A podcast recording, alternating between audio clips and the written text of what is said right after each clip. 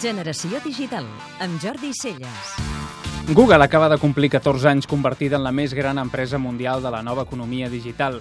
La companyia es va fundar un 4 de setembre de 1998 i el cercador es va estrenar oficialment el 27 de setembre del mateix any.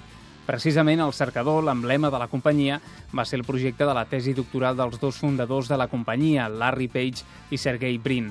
14 anys més tard, marques com Android, Chrome, YouTube, Gmail, Google Maps o Google Drive estan presents de forma permanent en la vida digital diària de milers de milions de persones a tot el món.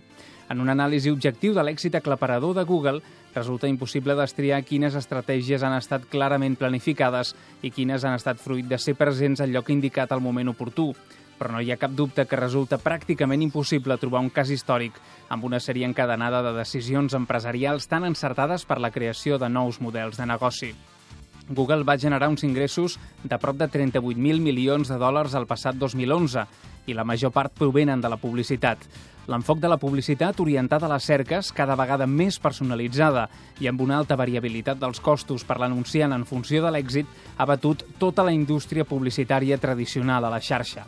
Més de la meitat de la despesa de la publicitat mundial a internet es dedica als anuncis apareguts en cercadors, i en aquest terreny Google no té rival al igual que a l'hora d'escollir els seus companys de viatge. Ha tingut acords profuns amb companyies tan diverses com Apple, Samsung o Asus. I Greenpeace l'acaba d'anomenar l'empresa líder mundial en l'àmbit de la sostenibilitat. Durant aquests 14 anys de vida, Google ha apostat per tot tipus de projectes altament innovadors, molts dels quals no han tingut una funció clara en els seus inicis. Alguns han acabat sent altament rendibles i d'altres han acabat com a fracassos absoluts. Últimament hem parlat de cotxes sense conductor, viatges espacials i les ulleres de realitat augmentada.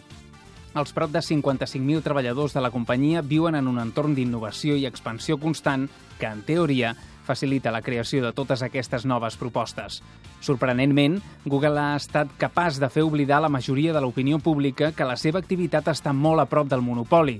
Té un domini absolut en el mercat de la publicitat digital en cercadors i ara també en els formats de vídeo. I, a més, els seus productes venen instal·lats per defecte en la majoria de dispositius electrònics de consum. Tot i això, ha pogut evitar entrar en l'espiral d'investigacions antimonopolístiques que tants mal de caps van donar a empreses com Microsoft, i és que, contràriament a Microsoft, Google ha sabut fer-se veure als ulls del món com una empresa positiva i amb bones intencions. Tot un èxit de comunicació i relacions públiques i segurament un dels mèrits empresarials més grans d'aquest gegant de la nova economia digital. Podeu escoltar Generació Digital cada dissabte de 4 a 6 de la tarda a Catalunya Ràdio.